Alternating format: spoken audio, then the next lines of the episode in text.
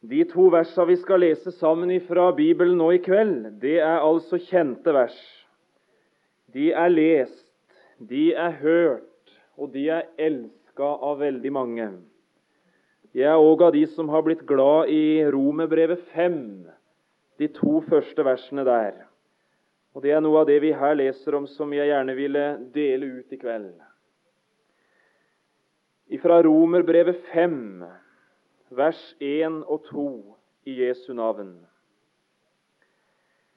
Da vi nu altså er rettferdiggjort av troen, har vi fred med Gud ved vår Herre Jesus Kristus, ved hvem vi også har fått adgang ved troen til denne nåde i hvilken vi står.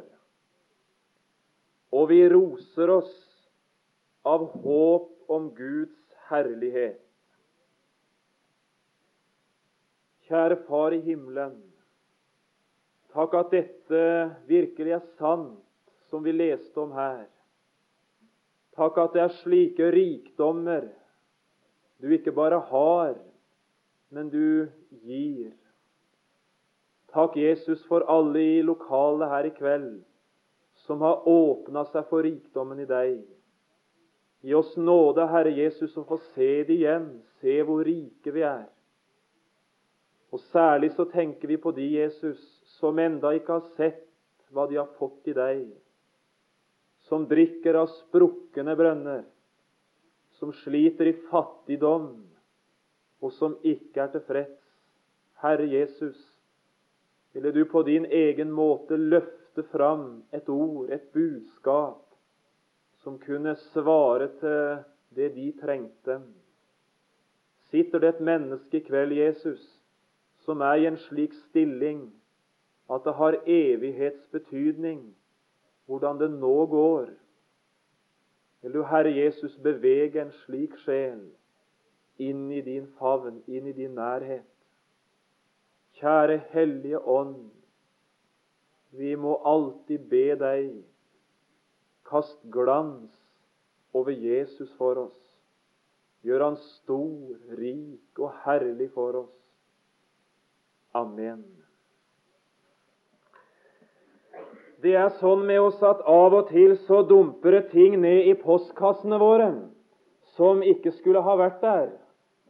Når vi er ute i postkassa om dagen og skal hente inn det som der ligger, iblant aviser, iblant brev, iblant for ikke å snakke om all reklame som kommer, og det som måtte ligge i postkassa, så hender det av og til at vi finner en sånn som har gått seg vill, som havna i vår postkasse, men som ikke skulle ha vært der. Det kunne være postmann syns navnet var gruelig likt, men da du så navnet, så skjønte du nei, nå har han altså bomma. Det er ikke meg som skal ha det her. Og så vet du hvem det er. Eller det kan være et navn som du aldri har sett før i verden. Men adressa som står, det er din adresse. Og skjønner noe? Nei, det gjør du ikke. Men i din postkasse ligger det altså. Du veit om slik post at der ditt navn og din adresse mangler, der har du ikke lov å åpne. Der har du ikke lov å ta til deg det som kommer. Om det ligger i postkassa di aldri så mye, dette er ikke for deg. Hvis det var regninger, da var du altså sjeleglad. Var utbetalingsblanketter, så gikk følelsen i en litt annen retning. Den blir det altså ikke så mye av. Det er altså bare den post, det veit vi rent menneskelig, som har vårt navn og vår adresse, som vi kan ta til oss. Ja, det var nå en underfundig måte å begynne å preke over Romerbrevet 5 på. Ja, jeg lurer på det. Hva er det egentlig vi har lest om her? Ja, det skal jeg si det. Vi har lest om Guds store gavebrev. Det som Romerbrevet 5 løfter fram, det er et brev.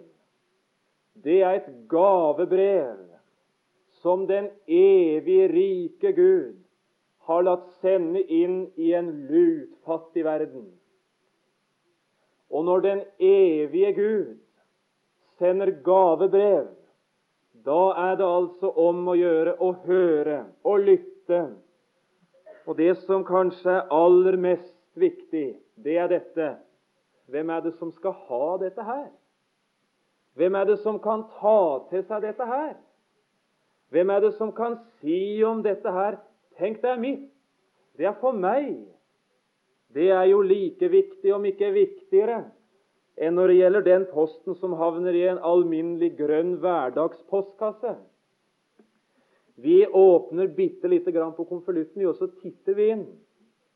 Og så skal du altså se hva der står. Og handler det om, og står det om, og rekkes oss i Guds gavebrev. Ja, Nå leser vi altså bokstavtro. Da vi nu altså er rettferdiggjort av troen, har vi Ja, hva er det vi har? Hva er det vi har fått? Har vi fred med Gud? Kan du tenke deg? Her rekkes det et gavebrev inn i en fredløs, urolig og angstfull verden. Og det det rekkes en døende verden, det er dette. Her er det muligheter å få fred. Her er det muligheter å få fred med Gud. Det er enorme anstrengelser i vår tid når det gjelder fred, og som det er fredsforhandlinger, og som det er lengsel og ønske om fred på de mange forskjellige vis. Å, så vanskelig det er å få fred i verden. Audun nevnte det i bibeltimen. Det er tvilsomt om det blir virkelig fred noen gang før fredsriket er en virkelighet. Men inn i en fredløs verden så rekkes det oss altså et brev, et gavebrev. Her er det mulighet å finne, få, ta imot fred med Gud. Å, men jeg syns det er, det er tillokkende fred med Gud. Det må nå være enda viktigere enn å ha fred med mennesker. Fred med Gud. Og så er det jo sånn at der det blir fred med Gud, der er det beste utgangspunktet til stede for å ha fred med de andre. Fred med Gud. Kjære venn som er på møte i kveld. Vet du hva det er for noe? Har du noensinne opplevd det der? Er dette her ditt? Fred med Gud. Det sto mer. Vi har fred med Gud ved vår Herre Jesus Kristus, ved hvem vi også Det er mer. Ved hvem vi også har fått Ja, hva er det vi har fått? Vi har fått adgang ved troen til denne nåde, står det, i hvilken vi står. Det er det de gamle kalte nådestanden. Vi unge vet nesten ikke hva det er for noe. vi. Nådestand. Vet du hva det betyr? Det betyr at Gud i himmelen han har garantert deg behandling både for tid og evighet. Ikke etter fortjeneste, ikke etter det du selv kan være for Han, men Han har lova å behandle deg etter sin kjærlighet og etter sitt eget hjerte. Helt ufortjent har Han lova bare å være god. Nådestand. Kan du tenke? Stå i et forhold til Gud der Han uforskyldt, hvordan jeg enn er, hvem jeg enn er, hva jeg enn har gjort eller ikke gjort, skal få slik behandling. Behandling fra en som elsker meg høyere enn noen. Å, men det er verdifullt. Nådestand. Og det er det tredje. Og vi roser oss av håp om Guds herlighet. Er det noe som er sant om denne verden, så er det at det er en håpløs verden. Å, så mye fortvilte, håpløse mennesker der. Og så mange som ikke har annet å se fram imot enn ei grav og et håp om at det ikke er noe på den andre sida av graven. Det de håper på, det er sine egne krefter, det er sin egen karriere, det er sitt eget verk. Og så håper de at slik de har levd, så får de det beste ut av livet. Og så er det ikke noe galt eller vondt i vente i evigheten. Håpløse mennesker. Og så rekkes det en håpløs verden ordet. Det er mulig å få del i et håp, et levende håp, et fast håp, håp om herlighet. Noe som lyser langt utover alderdom og grav. Håp om Guds herlighet. Å, som jeg er glad at jeg har fått håp. At jeg hører til håpets folk. At jeg fikk ta imot et gavebrev der håp var det jeg fikk. Fred med Gud, nådestand, håp om Guds herlighet. Og Så har vi så vidt titta inn. Og nå skal du altså merke deg, det, det må jeg sette en strek under, det er gavebrev og ikke kravbrev. Det er en masse mennesker som nemlig tenker Får jeg med Gud å gjøre, så er det kravets Gud bestandig. Alltid så er det noe jeg må slutte med. Jeg har ikke lov til det, og jeg må slutte med det, og jeg må la være å gjøre sånn. Og så må jeg begynne isteden. Han krever at jeg skal begynne med det, og ta til med det, og oppføre meg sånn og leve slik. Og så er det kravets Gud en forestiller seg hele veien. Det kreves at en må gjøre. Det kreves at en ikke må gjøre. Krav, krav, krav, krav. Og det er helt naturlig at folk tenker sånn. For det er sånn det er i verden. Du får ingenting i denne verden uten å yte. Det fins omtrent ikke behandling annet enn slik. Du får i samme grad som du yter. Du kan ikke vente inntekt i større grad enn du selv er villig til å yte for. Og så tenker så mange Gud krever og derfor så er de redde. Derfor så flykter de, for det er mange som smertelig veit at Guds krav de er altfor høye. De er for tunge, de er for svære. Jeg makter ikke å innfri. Jeg klarer ikke å slutte med. Jeg klarer ikke å begynne med. Og jeg får i alle fall ikke hjertet med. En makta ikke å innfri kravene jeg hadde så lyst til å si det er ikke noe kravbrev. Jeg skal ikke si en eneste ting fra prekestolen i kveld der jeg krever noen ting av deg. Ikke et ord. Du skal få sitte der akkurat sånn som du er. Det skal ikke bli ett krav. Men jeg har så lyst til å si nå må du høre på giverens budskap. Nå må du lese gavebrevet og mulig se mot Han som er kommet for bare å gi. Jeg skal undre meg på om det ikke sitter et eller annet fredløst, urolig, ufrelst menneske i forsamlingen i kveld, og som du smertelig veit hvor mange krav livet stiller. Og så mange ganger du har vært stilt i en situasjon der de alltid har krevd av deg.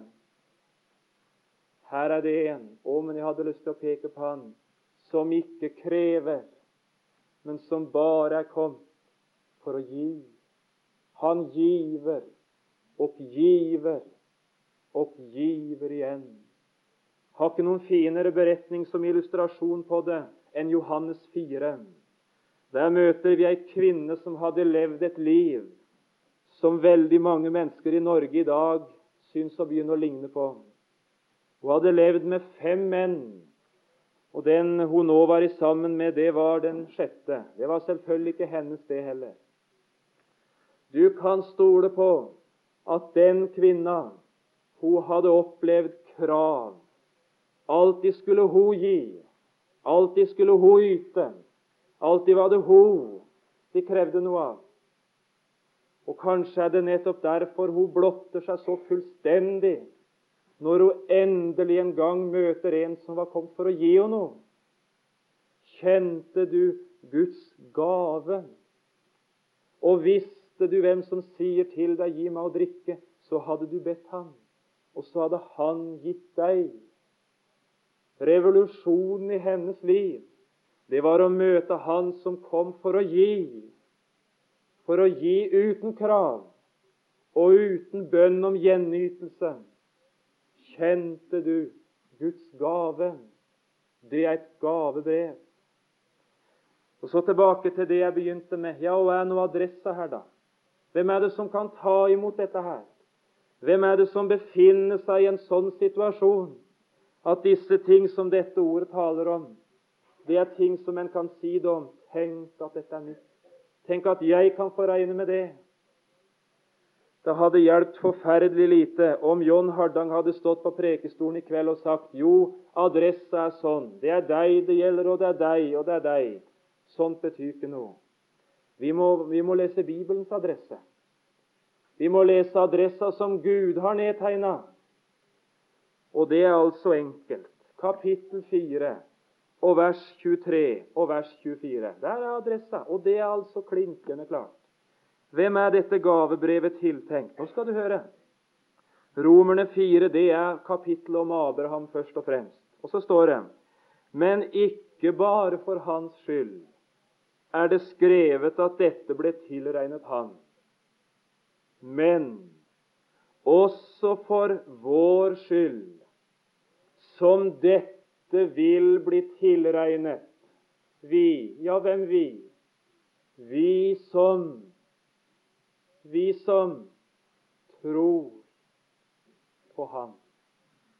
Vi som tror på Ham. Det er adressa for Guds gavebrev. Hvem er dette tiltenkt? Vi som tror på Ham. Det er troens enkle vei til Jesus. Ikke vi som tror på oss selv.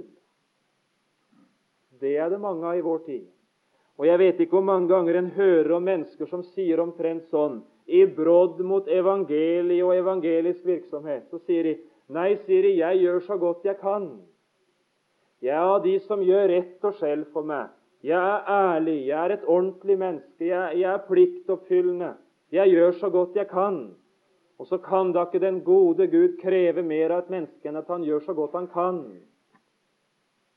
Ja, hvis du sitter i forsamlingen i kveld som har gjort så godt du har kunnet, så har jeg lyst til å be deg reise deg. Sitter du her som har gjort så godt du har kunnet? Det har aldri vært en dag i livet ditt du kunne ha gjort det bedre. Er du her? Du som med hånda på hjertet kan si 'Jeg har gjort så godt jeg kan'. Jeg har altså lyst til å gratulere deg, og jeg vil ha autografen din. Og jeg vil skrive om deg i alle Norges aviser. Her er en som har gjort så godt han har kunnet. Han kunne ikke ha gjort det bedre enn han har gjort det. Det blir ikke noe avisskriving. Og det blir ikke noen autograf. Og det blir ingen som reiser seg, for du veit like godt som meg du kunne ha gjort det bedre mange ganger. Og som tankelivet ditt kunne ha vært finere enn det har vært. Og som kona di mange ganger kunne ha fortjent å ha en bedre ektemann enn du har vært.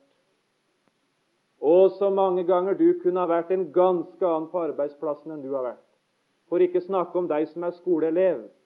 Og så sur du har vært mange ganger imot læreren din. Stakkars lærere som skal ha så mye sur ungdom. Kunne vi ikke ha gjort det bedre? Og det her var jo helt menneskelige ting, altså. Vi kunne ha gjort det mye bedre. Hver eneste en av oss. Om det til og med var sant, det du sier, at Gud gir den liv som gjør så godt han kan, så hadde du likevel ikke fått liv. For du kunne ha gjort det mye bedre. Det er godt vi skal få slippe å tro på oss sjøl. Og jeg hadde nesten lyst i en parentes å si noe som gjelder oss som beveger oss i kristne forsamlinger. Vi har nemlig òg lett å begynne å tro på oss sjøl. Vet du åssen det tar seg ut? Det er omtrent sånn. Bønnelivet vårt er til tider er, er velsigna oase i hverdagen. Å, så godt det er å be til Gud av og til. Å sitte i en forsamling der forkynneren makta å male Jesus. Å, så velsigna godt det er. Å lese Skriften når det, når det er åpent, når bokstavene nesten nikker til deg. Det er jo altså de fineste stunder en kan tenke seg. Når en fikk minnelsen av Gud Nå må du si et ord om Jesus. Og så var du lydig og sa det. Å, så godt det gjorde. Når fristeren kom med snara og fristelsen, og du så faren, og i Jesu navn så fikk du gå unna. Å, så godt det var å oppleve det er kraft i Jesu navn. Er det slike tider du tviler på om du er en kristen? Er det slike tider du har vanskelig med frimodighet og vitnetrang og glede og fred og, det der? Nei, det skal jeg si, da er det topp. Da tviler du ikke på noen ting. Er det noen som er frelst, så er det du. Og er det noen som har det godt fordi han er frelst, ja, så er det du. Ja, for det, det, det, det lykkes jo. Men når bønnelivet ditt er stengt, når du kan be i uker, og det er et slit Når du kan lese Bibelen, og det er som å tygge halm Når du kan sitte i en forsamling og høre andre si 'Å, så godt det var å høre i kveld' Du fikk ingenting. Når du var minnet av Jesus om å si et ord til en ufrelst venn, og du tidde Når fristeren kom med en av dine gamle synder du hadde falt. Du var tilgitt, nå falt du igjen. Da skjedde noe. Da meldte tanken seg i så manges liv. Kan jeg være en kristen? Fins det gnist av Guds liv i meg? Kan jeg virkelig frimodig løfte blikket mot himmelen og si 'Takk, Gud, at jeg får være barn'?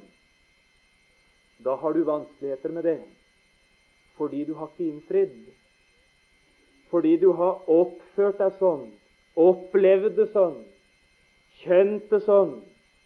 Er det en som ikke har fortjent noe sånt, så er det meg. Så er frelsesvissheten, ikke minst hos oss unge, blåst i sånne tider. Jeg tenker på hvordan en ungdom kan slite med frelsesvissheten når den har falt i enkelte synder som en vet er heslige og stygge, og så falt den likevel. Og dømt den er og pint den kan være i samvittigheten. Om noen ba en åpne et møte eller avlegge et vitnesbyrd, så måtte en tie for en kunne ikke si noe. Det er slike tider vi ikke får det til. Det er slike tider vi har vanskelig med gleden, frimodigheten, tryggheten, vissheten. Nå har jeg lyst til å spørre deg om noe. Hva er det du har trodd på når du er så fornøyd og glad og trygg når det lykkes for deg? Og så er du ikke glad og ikke fornøyd og ikke trygg og ikke viss når det mislykkes for deg. Hva er det du har bygd vissheten din hen? Og er det du har bygd frimodigheten din på? Du har bygd den på deg sjæl. Og det som gjør deg trygg, det er at bønnelivet er godt. At bibellesningen fungerer. At det er godt å være en kristen. At du seirer, at du vitner. At du, du, du, du. Og når det ikke er sånn at du har det du skulle ha, og du opplever det du skulle ha opplevd, så har du ingenting. Det står ikke 'vi som tror på oss selv', for det er det vi er i ferd med å begynne å gjøre da.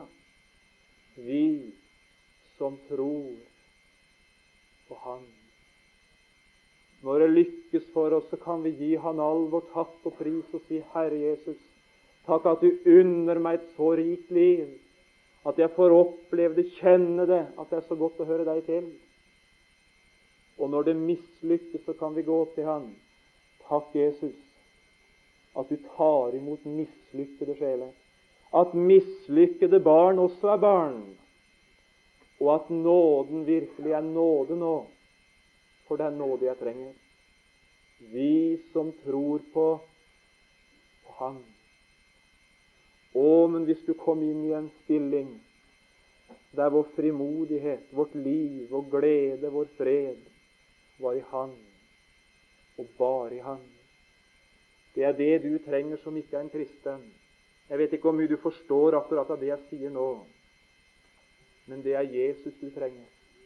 Det er å få se at grunnlaget for liv er i Han. Innholdet for liv er i Han. Alt, det er i Han og det er gitt deg om du i tillit og tro bare sier takk, takk, takk. Gavebrevet, det lød altså slik Vi har fred med Gud. Vi kunne ha sagt veldig mye om det der. Det rekker jeg i grunnen ikke, og har ikke så lyst til det heller, for så vidt. Men jeg har lyst til å si én ting. Det går ikke an å være en kristen uten å ha fred med Gud. Har du ikke fred med Gud, så er du ingen kristen. Du kan kalle deg hva du vil. Du kan oppføre deg som du vil. Og du kan tro som du vil òg. Om du ikke er i den stilling at du har fred med Gud, så er du ingen kristen. Betingelsen for å være et Guds barn, grunnlaget for alt Guds folk, det er dette vi har fred med Gud. Og når jeg sier det så firkanta og direkte, så er det fordi jeg skal si noe mer. Da er det nemlig noen som begynner å tenke Kan jeg være en kristen? Og så begynner de å kikke inn i seg sjøl om de har den derre fred med Gud, som nå er betingelsen og forutsetningen. Og det de tenker på, det er selvfølgelig om de har fred i hjertet. Og så kikker de inn, da. Til tider har de det, og da er de glad og fornøyd og blid. Til tider har de det ikke. Og da er de altså misfornøyd. Da er de usikre. Jeg kan ikke være noen kristen, for predikanten pokker sa at jeg må ha fred med Gud for å være en kristen. Og så har han ikke fred i hjertet. Og jeg har, jeg har gleda meg til å si akkurat det jeg sier nå. Fred med Gud, det er ikke hjertefred. Det er to helt forskjellige ting. Det er så ulikt som natt og dag. Og vi kunne bruke et lite bilde. Det skjedde for en tre-fire år siden, jeg husker ikke akkurat så lenge det er igjen. Da skjedde det noe bort på et landsted i USA, Camp David, at en mellommann, Carter, president Carter, tidligere president i USA, han fikk sammen to karer som vel knapt hadde møtt i sitt liv. Statsministeren i Israel og presidenten i Egypt. Det var jo et under bare at han fikk de sammen. Og så holdt de på på Camp David og forhandla og plundra og strevde og sleit. Telefoner den ene veien og den andre, komitémøter og gruppemøter og en masse. Og så forhandla de, og så skjedde noe som gjorde at det sto i alle verdens aviser på første side. Fred mellom Israel og Egypt, sto det. I Kairo så sto det 'Fred med Israel'. Og i Jerusalem Post så sto det 'Fred med Egypt'. Hva var det der for noe? Hadde de kanskje hatt gallupundersøkelser nå i disse der to landene, og så hadde de funnet ut at nå var folk i Israel blitt så fredfulle i hjertene sine? De gikk omkring og så ut som de var kommet til himmelen. Gikk de omkring i Israel og i Kairo og tenkte at å, og så var det bare harmoni og fryd og Var det det det betydde? Men Du kan jo gjerne smile av meg nå, altså, men vi vet jo at det er ikke det det betyr. Det lå på et helt annet plan.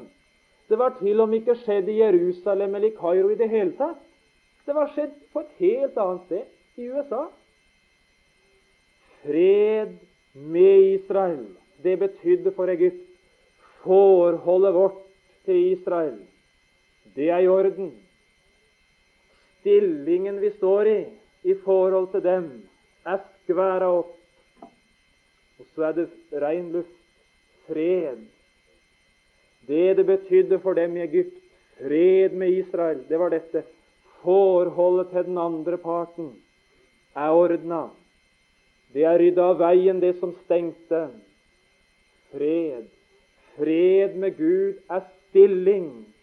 Det er et forhold å stå i, ikke en følelse eller en stemning. Og så spør jeg deg nå, ikke om du har fred i hjertet. Ikke om du er harmonisk og trygg og kjenner det topp. Da ville noen si ja, og noen si nei. Men jeg spør om én en eneste ting. Har du vært hos Gud? Har du vært hos den Herre Jesus og bedt Han ordne det slik opp i ditt liv at du ufortjent kan få være barn og bli frelst? Eller er du av de som lever i dine synder som enda bærer på ting som du ikke vil legge i lyset? Er du av de som skal møte Gud, men du skal gjøre det uten Jesus? Er du av de som enda er så stolt, eller så redd for de andre, kanskje, at å bekjenne Jesu navn både for Faderen og for de andre, det våger du ikke? Fred med Gud har den som åpent og nakent og bart har gått til Jesus og sagt, 'Herre, tilgi meg'. Ordne du opp? Skvær du opp i forholdet mitt til Gud? Jeg klarer ikke sjæl. Han er nemlig mellommannen, skjønner du. Og det var som slik han kom. Min Jesus lagde seg imellom Gud og meg. Og så sørga han for å tilveiebringe et frelsesresultat så fullkomment at begge parter kan være fullkommen fornøyd. Hva fikk Gud i Jesus? Han fikk betalingen for all verdens synd. Han fikk oppgjøret for det som var ødelagt, og han fikk det i fullt mål. Hva fikk vi? Vi fikk et evangelieord, og tilbudet enkelt. Her kan du møte en levende, hellig Gud som synder uten å bli skadd, uten å gå fortapt. Her kan du få tilgivelse for din fortid, trygghet for din framtid. Her kan du få liv, du som er stein daud. I mellommannen så ble fredsforholdet oppretta. Jeg veit meg ikke noe jeg er så glad for som dette, at å ha fred med Gud, det er helt utenom meg. Det er en stilling jeg står i. Det er et forhold jeg har, helt atskilt fra mitt følelsesliv eller kjensleliv. Kan du få tak i det, ufrelste venn? Du skal få gå til Jesus og skvære opp. Og i det øyeblikk du er i Hans hånd, så er du frelst. Hva enten du kjenner det boble, eller du kjenner deg kald som is. Er det åpent mellom Jesus og deg, så er du frelst. Fred med Gud. Det er ikke å undres over at de første talte sammen Han er vår fred. Han er vår fred. Han som gjorde fred ved sitt korsets blod. Han som kom og forkynte fred. Han er vår fred. Dette her er så viktig for dere unge å få tak i. Fredens grunn, det er Kristus. Det er et fullbrakt verk. Det er det Han gjorde. Og det er det du skal få bygge på. Hvis du får tak i det, så skal jeg si det begynner å skje ting under vesten òg. En kan ikke sette ord, altså, på åssen det blir i et menneskeliv når en får se evangeliet. Og ikke bare se evangeliet, men se at dette gjelder meg. Jeg kan få tro dette her. Og når jeg tror det, så har jeg det. Jeg skal hilse og si det blir forandring her inne. Å, så, så glad en blir. Så trygg en blir. Slik fred i sinnet en kjenner. Så velsigna godt en får en. Så er hjertetilstanden ikke frelsesbetingelse, men det er frelsesfrukt. Og ville du sagt om meg det er et banalt bilde, men, men la meg bruke det, for det, det sier iallfall akkurat åssen det er. Og ville du sagt om meg, hvis jeg reiste hjem til Notodden i neste uke, eller sånn når jeg skal hjem, og så reiste jeg hjem og fikk se eplehagen min uten et eneste eple, helt svart som ikke et eple, ikke en blomst, ikke et blad, ingenting. Ikke grønt, men, men brunt og svart og dødt. Og så tenkte jeg i mitt stille sinn det er en forferdelig eplehage du har, Jan. Det er jo ikke et eple her. Og så, og så, så du på eplehagen som det ikke var noen ting i. Og så gikk jeg inn og henta øksa, så høgde jeg den i alt som var, og tenkte vekk med det der som er så dødt som det. Og ville du sagt til meg da? Du ville iallfall sagt du må ikke finne på å bli gartner. Du må ikke finne på å begynne med sånn, for, for du skjønner jo ingenting.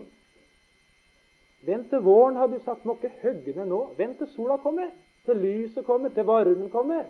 Så skal det begynne å sprette blader og blomster og alt det der. Frukt er sesong.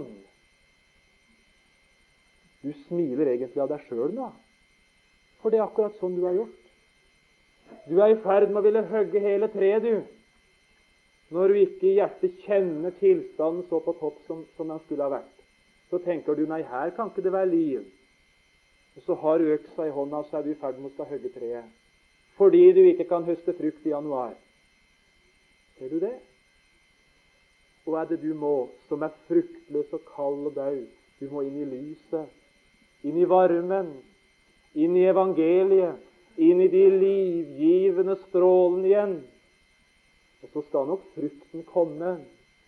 Det er på fredens grunn at fredens frukt springer fram. Vi har fred med Gud.